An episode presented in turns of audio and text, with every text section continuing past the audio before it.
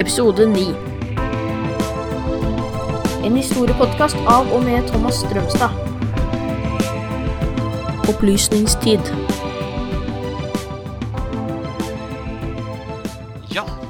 Kommet fram til den delen av historien som kan uh, ses på som inngangen til moderne historie. Så tenker da industriell revolusjon og opplysningstid og revolusjonene i Europa. Det franske, amerikanske og det engelske. Fra midten av 1700-tallet skjer det avgjørende endringer som da førte til et, et helt annet samfunn enn det som da rådet tidligere. Det var ikke sånn at vi plutselig gikk fra det tradisjonelle til det moderne samfunn. Men utviklingen mot et moderne samfunn preget av politisk mangfold, demokrati, menneskerettigheter, industri og bysamfunn var på en måte i gang.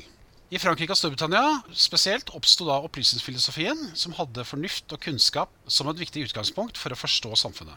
Etter hvert skulle vi da få de store revolusjonene i Amerika og Frankrike, pluss da revolusjonen The Glorious Revolution, Revolution i Storbritannia.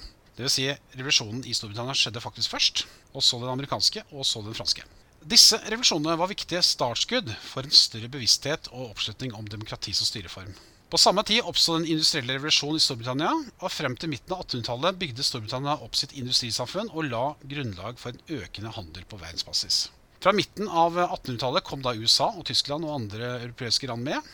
Et mangfold av politiske ideologier som sosialisme, liberalisme, konservatisme, demokratisk bevissthet og handel og industri preget det vestlige samfunn mer og mer frem til da første verdenskrig ble ut i 1914. Altså vi kan si at I den perioden her, det som egentlig skjer, er jo da på en måte at vi sier moderne, eller nyere historie, begynner da med 70-50, fordi at eh, demokrati, det vi forbinder med det moderne politiske samfunn, altså med forskjellige alternativer osv., og, så og samfunn da med handel, kapitalisme og bysamfunn, var jo på en måte da øh, i emming, kan vi si. Så det er klart at dette her øh, fikk øh, skulle, Så denne perioden her la jo mye grunnlag for det samfunnet vi lever i i dag.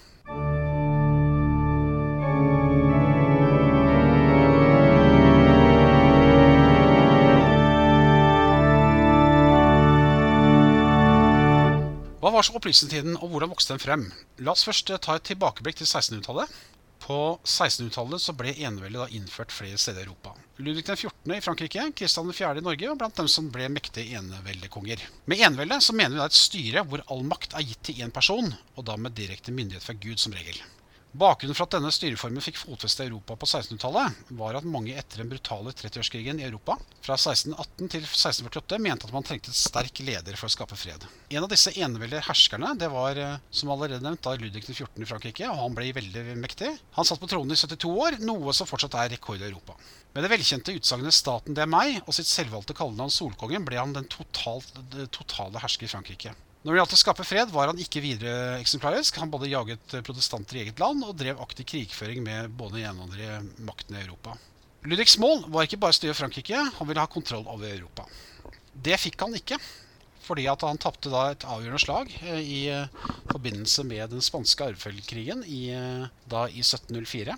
Den han da tapte mot, han som var da her, leder av hæren som da slo Ludvig 14., det var altså en mann ved navn John Churchill.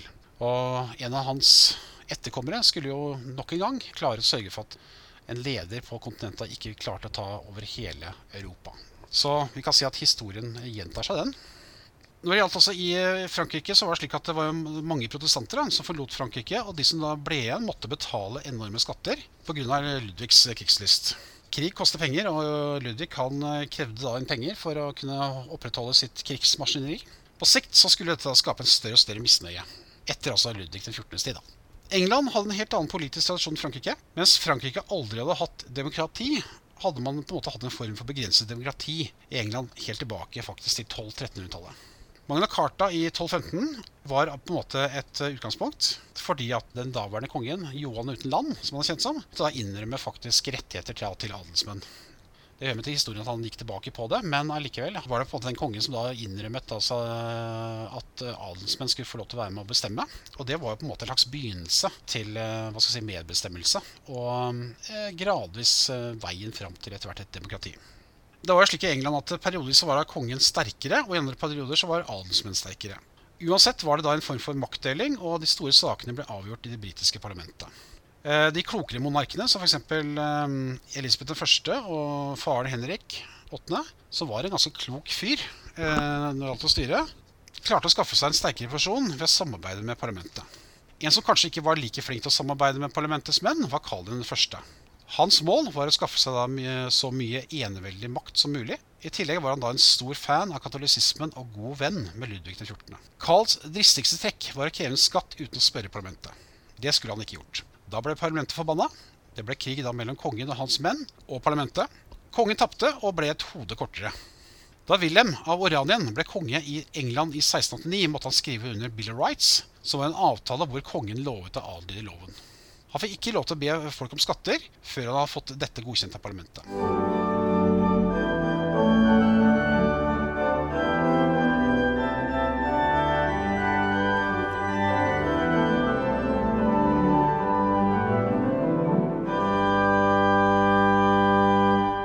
På slutten av 1600-tallet ble flere og flere kritiske til hvordan eneveldet ble praktisert. Tenkere i både Frankrike og England spesielt hadde problemer med å akseptere at noen skulle ha større politiske rettigheter enn andre. Den britiske filosofen John Locke mente at alle mennesker var født med de samme rettigheter. Locke var ikke imot å ha en hersker eller konge, men denne skulle styre i samråd med folkets ønsker. Dersom herskeren ikke gjorde det, det, det var, gjorde det, var det grunnlag for å sparke ham. Grunnlaget igjen for dette var det såkalte folkesuverenitetsprinsippet. Og det var dette prinsippet som vant frem da kongen måtte skrive under Bill of Rights. Et viktig utgangspunkt for folkesuverenitetsprinsippet var naturretten. Naturretten betyr at hvert menneske er født med visse grunnleggende og umistelige rettigheter, og har sitt utspring fra antikken, faktisk. Naturretten ga igjen grunnlaget for menneskerettighetene, som ble utformet i opplysningstiden. Locks tanker ble spredt til Frankrike, og en av de som lot seg inspirere Locke, var Francois Voltaire. Voltaire kjempet for eh, religions- og ytringsfrihet.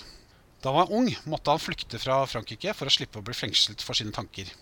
I England fordypet han seg- i John Lockes politiske filosofi og Isaac Newtons naturvitenskap. En annen kjent fransk opplysningsfilosof var Jean-Jacques Rousseau. Rousseau mente at alle mennesker var født gode, men privat eiendomsrett hadde gjort dem griske og egoistiske. Rousseaus løsning var at folk burde bo i små samfunn hvor de selv ble enige om hvordan de skulle styres. En tredje fransk filosof, Charles Montesquieu, mente at makten måtte deles mellom en styrende, en lovgivende og en dømmende makt som kunne kontrollere hverandre. Som dere ser, var 1600- og 1700-tallet en periode preget av store endringer når det gjelder syn på styret og syn på forhold mellom det styrende folket. Gjennom større vekt på vitenskap og fornuftshentning ble det altså større fokus på fornuften, menneskerettigheter og demokrati. I England og etter hvert Storbritannia hadde dette skjedd over lengre tid, og demokratiet hadde utviklet seg gradvis. I Frankrike derimot sto eneveldet helt fast frem til sommeren 1789. Pga. flere forhold i det franske samfunnet fortonte franske eneveldet seg som mer og mer som en koloss på leirføtter. Det var et tidsspørsmål når det ville falle.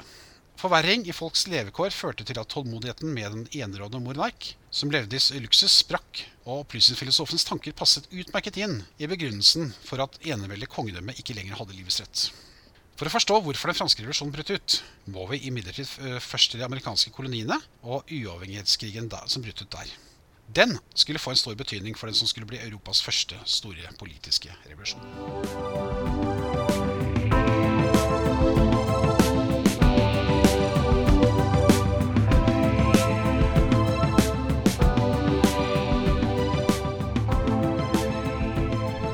Du har hørt en historiepodkast av og med Thomas Strømstad.